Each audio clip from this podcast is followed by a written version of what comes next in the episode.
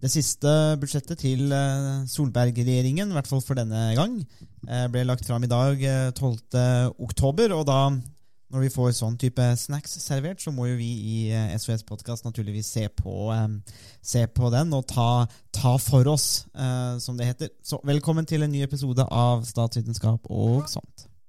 How dare you? Mr. Gorbachev, tear down this wall sexual relations with that. Read my lips. Hell yes, we're gonna take your AR-15. I have a dream. Ja, Jan Tore Sanner han uh, gikk på, på talerstolen i uh, Stortinget og la fram eh, statsbudsjettet.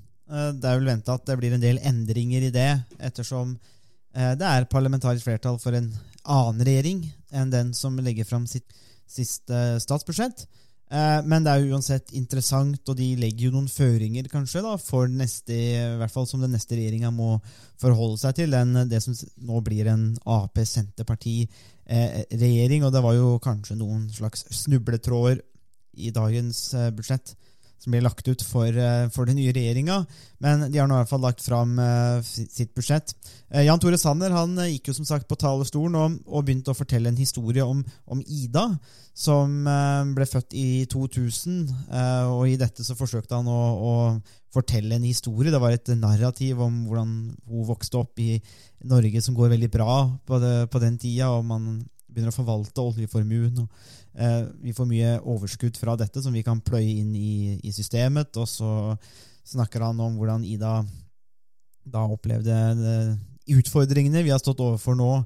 Eh, annet for ja, finanskrise, men også nå, da, særlig i pandemien. og så eh, hva som vil skje i, i tida framover. Jan Tore Sanner hadde jo et mye større bilde på det. Han hadde jo et, en, en slags politisk, teoretisk eh, holdning til dette. Han starta med å spørre hva er egentlig statsbudsjettet? President, det, var, det er en, en, fortelling eller et, et syn da på framtida, eh, for det handler om menneskers liv. og ja, det, det, da forsvant jo mye energien min. for eksempel. Jeg syns for så vidt Jan Tore Sanner er en dyktig politiker. Eh, jeg hater sånne narrativer eh, som er, virker veldig oppkonstruert.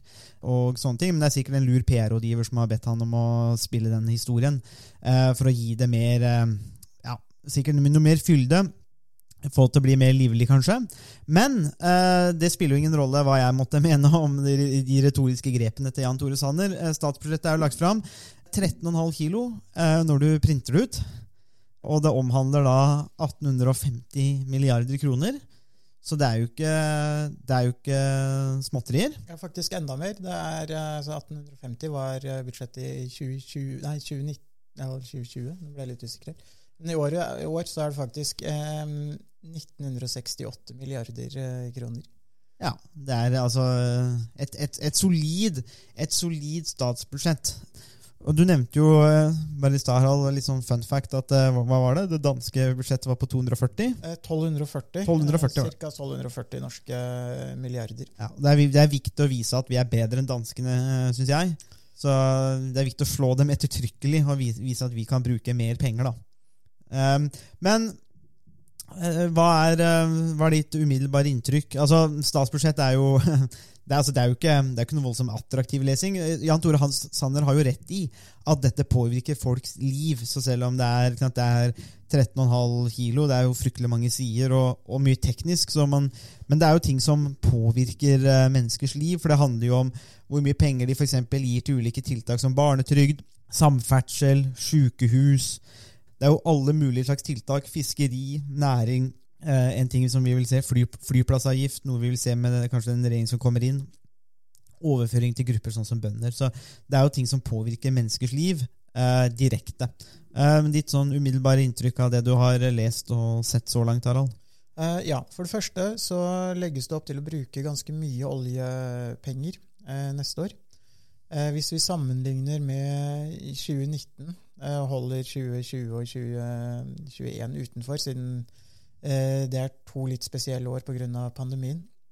Men hvis vi sammenligner med, eh, med 2019, så legges det opp til å bruke ca. 30, nei, beklager, 70 eh, milliarder mer i 2022 enn i 2019. Så det er en ganske stor økning. Hvis vi ser på årene fra 2019, eh, 18, 17 og 16 så har oljepengebruken eh, ligget på mellom eh, 212 og 230 eh, milliarder. Eh, og nå er det lagt opp til å bruke rundt eh, 300 milliarder fra oljefondet. Men det er jo også da med en reduksjon eh, der man ser på å bruke rundt 2,6 Ja, så du kan si reduksjonen fra i eh, år og i fjor er jo på ca. 100, litt over 100 milliarder. mm. Så det går, ned ganske mye, og det er jo pga. Uh, de spesielle koronatiltakene som, eh, som har vært eh, iverksatt de siste to årene. Eh, så det, så det, vi blir mer eh, oljeavhengig. I tillegg så er det jo også sånn at eh, staten har jo en rekke andre inntekter fra olje, oljenæringa. Det er direkte inntekter fra statens petroleumsvirksomhet, skatter og avgifter på utvinning av eh, eh, olje. Eh, også aksjeutbytte fra Equinor, som eh, beregnes til rundt eh, 13 milliarder eh, for 2022. Så eh, totalt sett så er staten eh, eh, Har staten veldig store oljeinntekter som eh, som vi også ser veldig tydelig i årets budsjett. Eh, I tillegg så er det en del andre eh, viktige endringer. Eh, når det gjelder folketrygden, som eh, er en av de, hvis ikke den aller største utgiftsposten, så er den på 490 milliarder for 2022. Eh, En økning på, på 20 milliarder, altså nesten 5% rundt 4 Mm. Eh, og hvor det da er ganske eh, store økninger, både når det gjelder eh, alderspensjon, eh, sykepenger, uføretrygd, arbeidsavklaringspenger. Mm. Eh, sånne ting som dagpenger for arbeidsledige er faktisk eh, ikke så, så mye. Det er rundt 19 milliarder. Eller rundt, nei, rundt 25 eh, Ja, rundt 20 skal vi si, Oppjustert til om lag 25,5 eh, milliarder. Uh, nei, skal vi se her eh, Nå ble jeg nesten litt usikker. Det er så mange tall her. Mm. Uh, så nærsynt uh, ser vi ingenting. Sånn er det. For 2022 så foreslås det faktisk bare 12,9 milliarder til, til dagpenger. Så det er en ganske stor reduksjon Mm. fra i år, hvor det har vært på rundt eh, 20, mellom 20 og 25 eh, milliarder. Oppjustert fra 19 til 25,5 milliarder. Um, så det blir veldig mye tall når vi snakker om, eh, om statsbudsjettet. Eh, men folketrygden, som er den største utgiftsposten, med nesten en tredjedel av alle de samlede utgiftene til staten, Mm. er den er, Det er en, en utgiftspost som, som vokser, og som har vokst jevnt og trutt eh, de siste ti årene, og som også vil vokse mye eh, de neste ti årene pga. Eh, flere pensjonister. Mm. Ja, dette er jo en, eldre befolkning. Eh, og det er jo noe av det som har vært, eh, blitt sett på som en stor utfordring for, eh, for Norge. Ja, det er jo en utgiftspost som bare vil øke, og du vet jo at det, det, det blir jo bare mer og mer. Ehm, så der må man jo Ja, det vil jo fordre Fordre enten at man klarer å øke kaka og få større inntekter på en eller annen måte, høyere vekst for å betale for dette, eller så må man jo gjøre noen omprioriteringer, da. Uh, ta penger fra et sted Ja, eh, til ja. et annet. Altså det, eh, det, det er enten høyere inntekter eller reduserte utgifter er jo den eneste måten å, å løse det på. Eh, Mm. Og eh, å redusere pensjoner og eh, andre ytelser er jo ekstremt upopulært. Mm. Eh, så det er vanskelig å se for seg at det vil, eh, vil bli gjort. Mm. Men Eh, ja. Og da er det egentlig bare å øke inntektene på en eller annen måte. Og den eneste måten å gjøre det på, er jo gjennom eh, økonomisk vekst, rett og slett. Så er jo spørsmålet hvordan man får til det.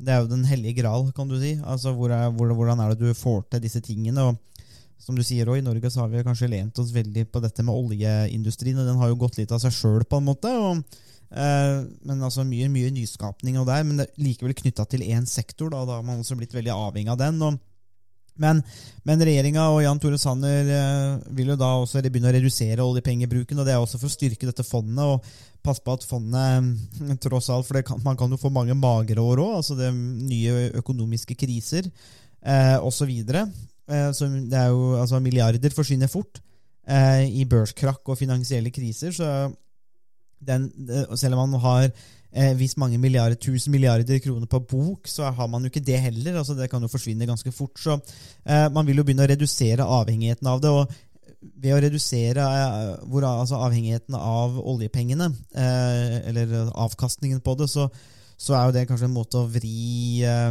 både statsbudsjett, men også politiske prioriteringer, da, slik at man blir mindre sårbare ved å bruke mindre penger, og kanskje blir mindre omfangsrik. da, Uh, og det, det, ser man jo også, at uh, regjeringa altså Vi må jo anta at uh, en del av de politikken som regjeringa har ført når det kommer til privatisering og konkurranseutsetting, har jo noe med nettopp dette med å redusere offentlige utgifter. Um, kan man sette dette ut på, eller til private aktører, um, så fjerner man jo utgiftene til staten på den måten. Eh, og så frigjør man jo midler eh, til statsbudsjettet og kanskje ja, kan, eh, kan bygge, bygge, en større beholdning til, til magre år.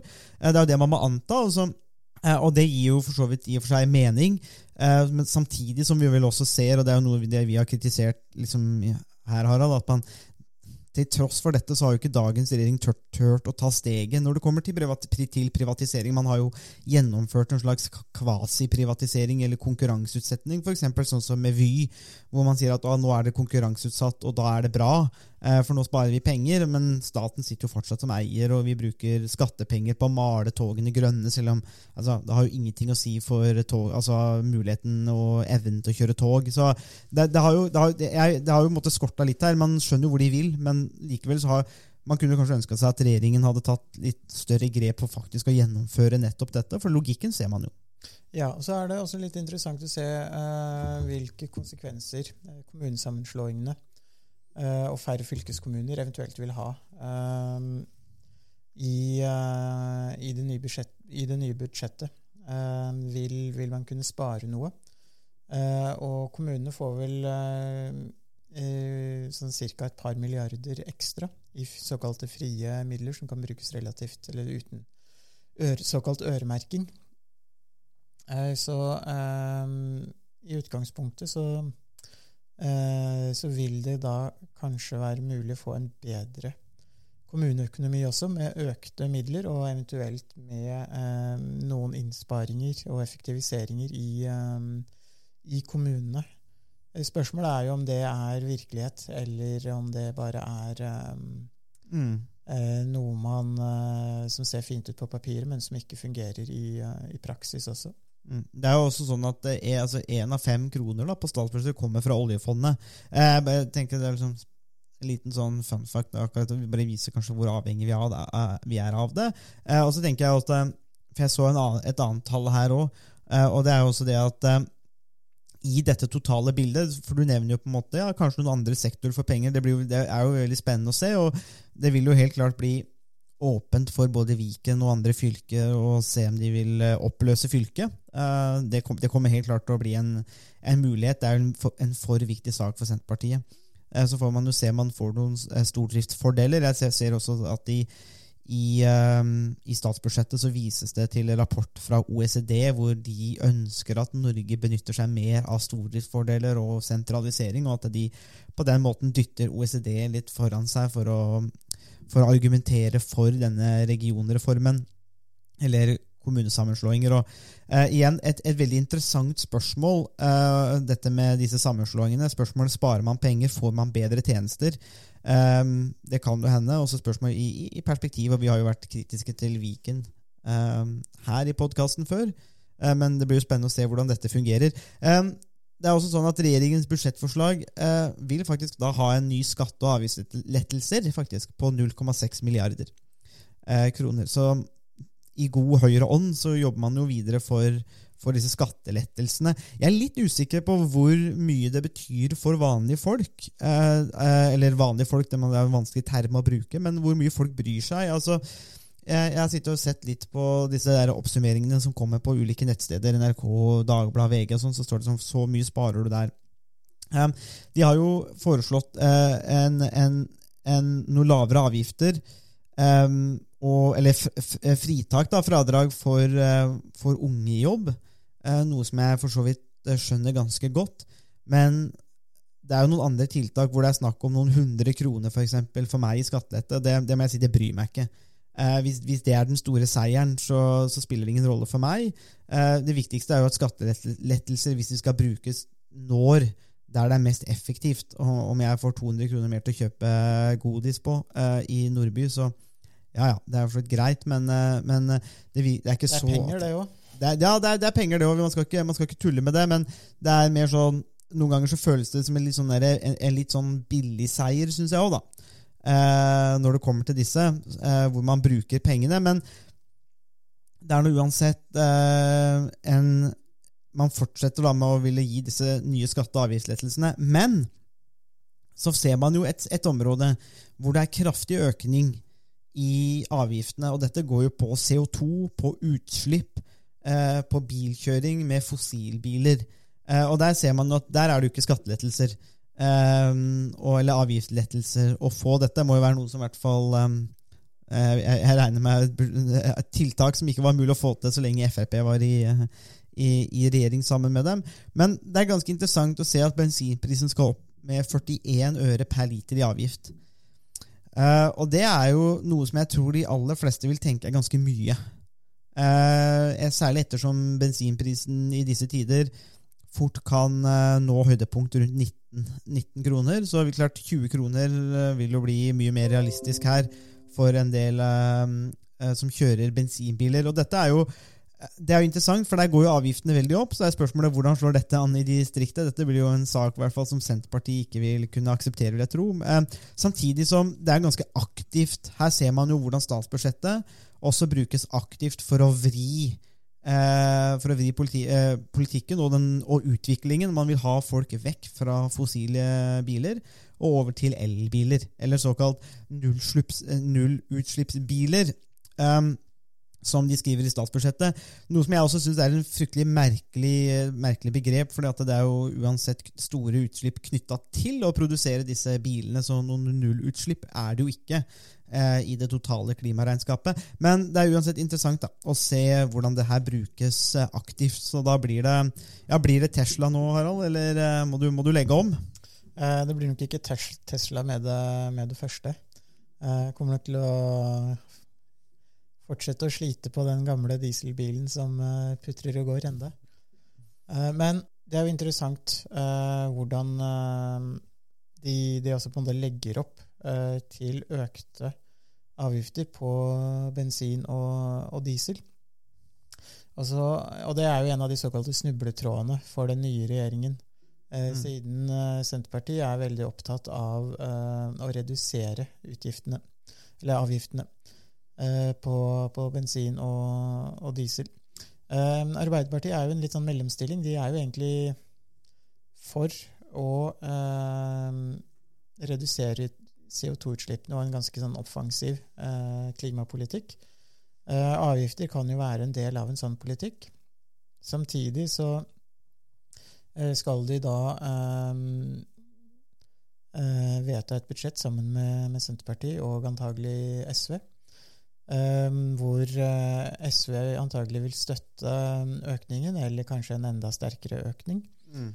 mens Senterpartiet vil arbeide veldig eh, veldig hardt for å reversere den øk økningen. Eh, så det er jo en, eh, en måte eh, hvor eh, det blir vanskelig for den nye regjeringen å finne en, en, løsning. Og hvor det da også er mulig for eh, dagens regjering å si i etterkant at ja, vi foreslo økninger eh, i avgiftene for å redusere klimautslippene, og så kommer det en ny regjering som er mindre klimavennlig. Mm. Vil jo retorikken eh, da være. Eh, men jeg tenker et, et, annet, eh, et, annet, interessant trekk er jo at eh, det er foreslått, eller det er lagt opp til litt over 50 milliarder i såkalt eh, distriktspolitiske mm, tiltak. Uh, og det um, er jo også en, uh, et område som er ganske kontroversielt og gjenstand for mye, for mye diskusjon. Både om de tiltakene virker, og også størrelsen på tiltakene, og om man skal ha mer eller, eller ja, øke det eller redusere det.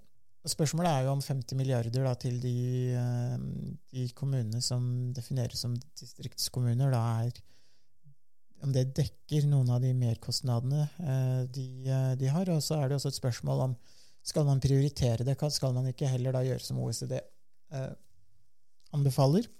Eh, slå sammen eh, kommuner, satse på eh, mer effektiv, mer effektiv drift. Og det er jo, altså det, det er jo et, et, viktig spørsmål, fordi det er jo 50 milliarder som kan brukes på andre måter også. Man kan bruke det på infrastruktur eller um, mm. Eh, helsevesen eller pensjoner eller andre ting. Så, så, og det jo, illustrerer også noe av det som gjør finans, um, eller statsbudsjettet så viktig, uh, og Finansdepartementet så viktig, nemlig det at det er her de virkelig store prioriteringene i politikken uh, kommer. Mm. og det har også vært mye diskusjon rundt Eh, Finansdepartementet sin, eh, sin rolle, hvor eh, det kom, ofte kommer nye finansministre som ønsker å gjøre endringer. og så kommer de inn i Finansdepartementet, og så blir de spytta ut igjen og er prikk like alle sammen, uansett om det, vi snakker om Per Christian Foss fra, fra Høyre eh, i Bondevik II-regjeringen eller Kristin Halvorsen i eh, den første rød-grønne regjeringen to, fra 2005. De var jo prikk like, begge to, enda de sto på motsatt eh, side. Og det samme gjelder jo egentlig de finansministrene vi har hatt um, mm. siden både Siv Jensen og um, Jan Tore Sanner. Og um, det store spørsmålet er jo vil det samme skje med eh, Slagsvold Vedum, eh, som ligger an til å bli ny finansminister. Vil han også bli eh, grå og kjedelig, som eh, både SV og Frp har eh, omtalt eh, mm. med koalisjoner å være. Mm. Ja, det er jo det er en interessant effekt der, og, og vår, vår vert for disse livepodkastene våre, Per Sandberg, har også vært veldig klar på det at, at politikerne i møte med Finansdepartementet da, da blir de små, rett og slett. Der er det der er det noen andre som styrer, rett og slett. Og så er man, er man gallionsfigur eller et slags frontfigur. Noe, noe, noe, noe, føringer får man selvsagt lagt, men, men, i det store og det hele så blir på en måte ting bestemt litt annerledes. Så vi snakka om det. Er det, et, altså er det et politisk problem? Et demokratisk problem? Eller er det en god ting, for eksempel, at endringene ikke er for store? Så man kan måtte sette inn en fra SV og en fra Frp, og så blir skuta seiler slik like balansert uansett. da. Ja, altså eh, fra et uh, styringsperspektiv uh, så kan man si at uh, stabilitet vil være gunstig, fordi det gir forutsigbarhet fra et år til et annet. samtidig så er det et demokratisk problem hvis et politisk parti tar over regjeringsmakten og i liten grad Eh, kan sette preg på statsbudsjettet. Det er jo et alvorlig politisk eh, problem. og det, det kan jo handle om, om, flere ting. Det kan være at politikerne rett og slett ikke er sterke nok ledere til å kontrollere eh, embetsverket i Finansdepartementet. Uh, og hvis, uh, hvis, det er tilfellet, så er det alvorlig. Eh, fordi da har man rett og slett ikke politikere som er dyktige nok. Eh, og um, så handler det også om at eh, med et så sterkt embetsverk så, så man eh, Er det mange beslutninger som overlates til byråkratiet og embetsverket. Og det er også problematisk at den type beslutninger ikke er, eh, alltid er underlagt eh, demokratisk kontroll. Så, så, her er det noen, noen litt vanskelige, vanskelige problemstillinger som kommer veldig tydelig til uttrykk eh, på de, den ene dagen i året hvor eh, Finansdepartementet har fest, mm. eh, hvor, hvor budsjettet presenteres. Og det er jo en litt sånn Det er en litt sånn dårlig vits uh, som uh, sier det at uh, de ansatte i Finansdepartementet de sier nei før de sier hei. og det sier noe om at de, de alltid sier nei til å øke utgiftene og til, å, til, både, til det meste av det som kan være um, avgiftsreduksjoner også, som kommer folk til, til nytte. Mm. Ja, det er, eh, det er jo en eh, man kan jo tenke seg, som du sier, da, fra et styringsperspektiv så gir du for så vidt, eh, kan du gi mening og anføres gode argumenter. Også. Så slipper man denne at det, at det fluktuerer så mye, og at det, er, at det varierer, at det er volatilt osv. Men man vil jo gjerne ha noe å si da, på, på hvordan landet styres. og det er jo i hvert fall noe som, som kom klar, klart fram i debatten, eller ikke debatten, da, men i, eh, der man starta. Det var jo åpent for representantforslag før Jan Tore Sanner um, la fram, eller holdt sin uh, statsbudsjettstale. Og da var det jo en, en, en kraftig overvekt av Rødt og SV-representanter som la fram en del andre forslag som, som, som skiller seg veldig uh, fra fra det man, eh, man, ser fra de andre partiene. Og det er jo også partiet eh, Rødts eh, agenda, da, kan man jo si. De står jo for en mye, mye tøffere linje akkurat der. Og så vet man jo aldri. Det hadde vært interessant å se om de hadde om Moxnes òg etter en, en, periode som finansminister hadde blitt strømlinjeforma. Det kan jo hende. Man, man veit jo ikke hvordan dette her Når de kommer inn i denne kverna, som er det, det offentlige og det dette styringsorganet. Um, igjen, jeg tenker bare sånn som jeg i hvert fall har merket til i, i, um, i, statsbudsjettet. Det er noe med det der med at man vil skattlegge eller gjøre dyrere forbruk um, som har klimautslipp. Altså man, man, ser på dette med bilkjøring, uh, som er en av disse tingene. Um, og så ser man på flyplass, uh, flypassasjeravgift. Altså man vil, med, man vil gjeninnføre flypassasjeravgifta. Uh, slik at det vil da Det vil jo da potensielt gi 1,6 milliarder inn til, eh, til, staten, men man har likevel disse avgiftene. og Det er, det er jo et, et, signal her om, om, om, på en måte forbruk. Um, og så er spørsmålet om det, for dette er jo litt sånn tvilende til. altså På en måte så gir jo det veldig mening, fordi at det forbruket, og i hvert fall ting som har en del utslipp, må jo ned. Uh, men så er jo spørsmålet Gjør man det ved at folk bare kjøper eh, dyre Teslaer eh, eller dyre elbiler? For de er også ganske dyre, og regjeringa vil jo gjøre det dyre med hybridbiler òg, som kanskje er en mer lønnsom eller mer mulig, en mulig løsning for mange flere å kjøpe typ hybridbiler. Men, men, det vil ikke regjeringen ha, ha, så mye av det heller. Man vil ha alle over på, på strøm. og uh, Det er jo en, en, en, et greit politisk virkemiddel, litt sånn top down. Så er det greit at man, man, prøver å strupe forbruket litt, hvis vi kan si det på den måten. Men samtidig så er jo, er jo kanskje litt av problemet, og det som for regjeringa, og det som kanskje også har drevet Senterpartiets, uh, og til dels kanskje Frp òg, Eh, men særlig Senterpartiets fremvekst og sånn, det går jo også mye på det at mange har jo ikke råd til å kjøpe disse bilene. Altså, det er ikke gitt at alle kan kjøpe eller bruke 600 000 på elbiler. Det er fryktelig dyrt. Eh, og da gir det mer mening å, å, kjøpe billigere fossilbiler eller kjøre de man allerede har. Eh, slik at eh, På en måte så ser du som regjeringa eh, vektlegger eller prioriterer én form for forbruk eh, over en annen form for forbruk. Um, og, så jeg er litt usikker, men man ser i hvert fall denne prioriteringen. Det spørs om det, dette er en del av det som skal være det grønne skiftet. da.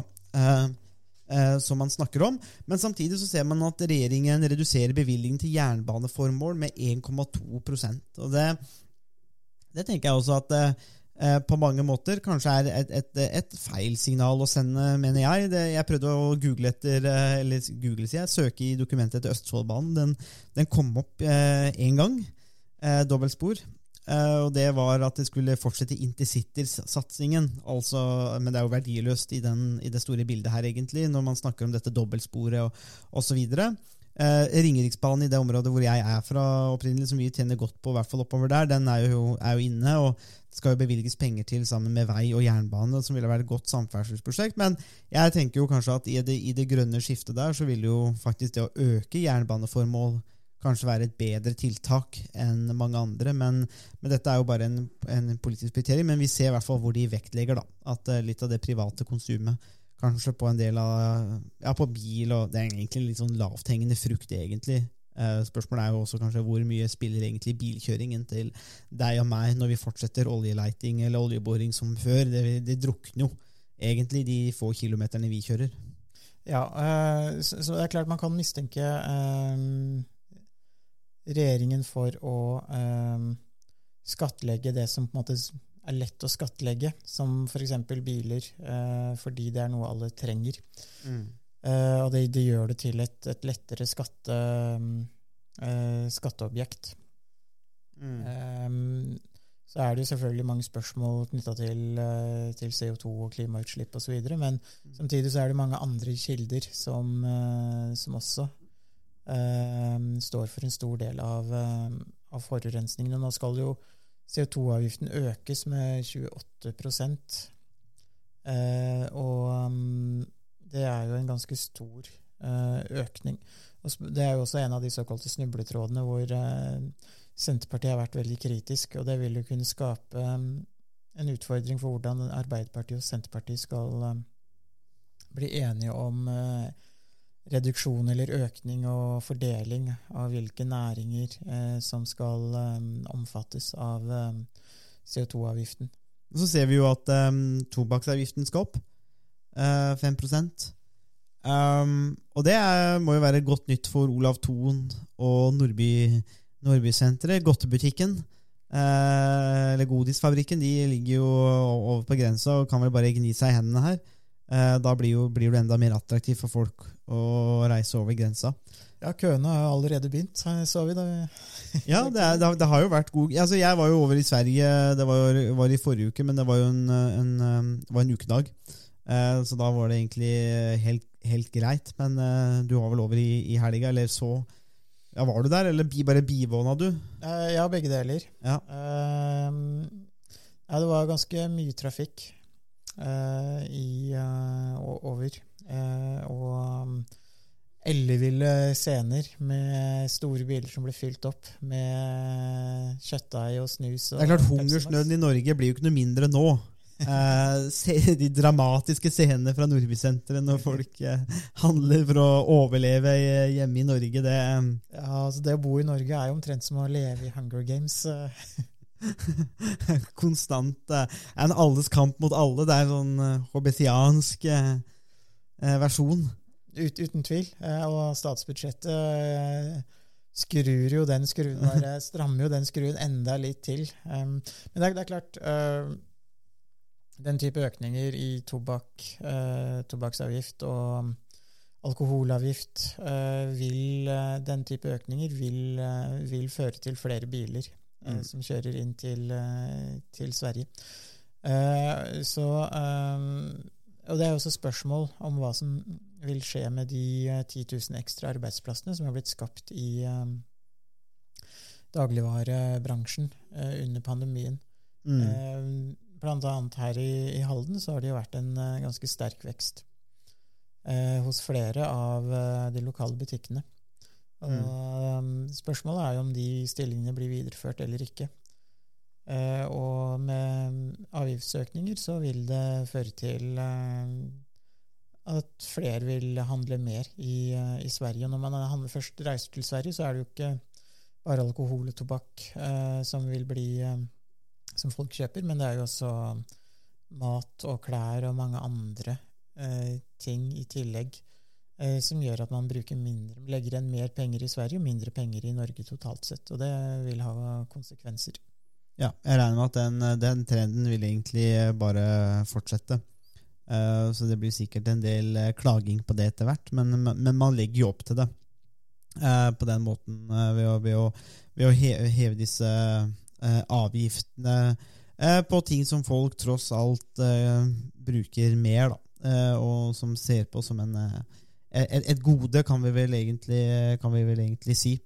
Uh, er det noe mer vi burde snakke om da i, i, statsbudsjett, i statsbudsjettet? Altså Det kommer jo stadig vekk ting um, uh, hele veien, egentlig, som, um, som vil uh, Altså, det kommer jo inn løpende etter hvert som man måtte få lest lest disse, dette, dette, dette, dokumentet. Det er jo fryktelig mange ting. Og så må vi jo, må vi jo uansett ha i bakhodet her da, at her kommer det jo en ny regjering. Så det er klart at um, noe av diskusjonen her er jo, er jo litt uh, uh, Ja, den, den, den, vil jo være ikke så relevant uh, om, om, noen uker eller måneder igjen. Men kanskje det vi, i hvert fall hvis vi skal se på, avslutte bare med å se på noen av konturene, så er det vel i hvert fall at man begynner å ska, skattlegge og øke avgiftene på dette som har med klimaavtrykk å gjøre, altså CO2. At disse tingene blir dyrere. Det er vel egentlig et av de tingene som jeg sitter igjen med som, som noe av det mer eh, viktige eh, når det kommer til de tingene der. Og så vet jeg ikke om det er, noe, er noen andre store prosjekter du ser, eller konturer som du vil trekke fram? Eh, jeg, jeg, tenker Noe av det som er viktig, eh, er at et forslag til statsbudsjett eh, vil nok bli gjenstand for større endringer enn eh, de eh, statsbudsjettene som har blitt vedtatt de siste eh, årene. Og det er rett og slett fordi at nå er det en ny regjering som skal forsøke å sette sitt, sitt preg på statsbudsjettet.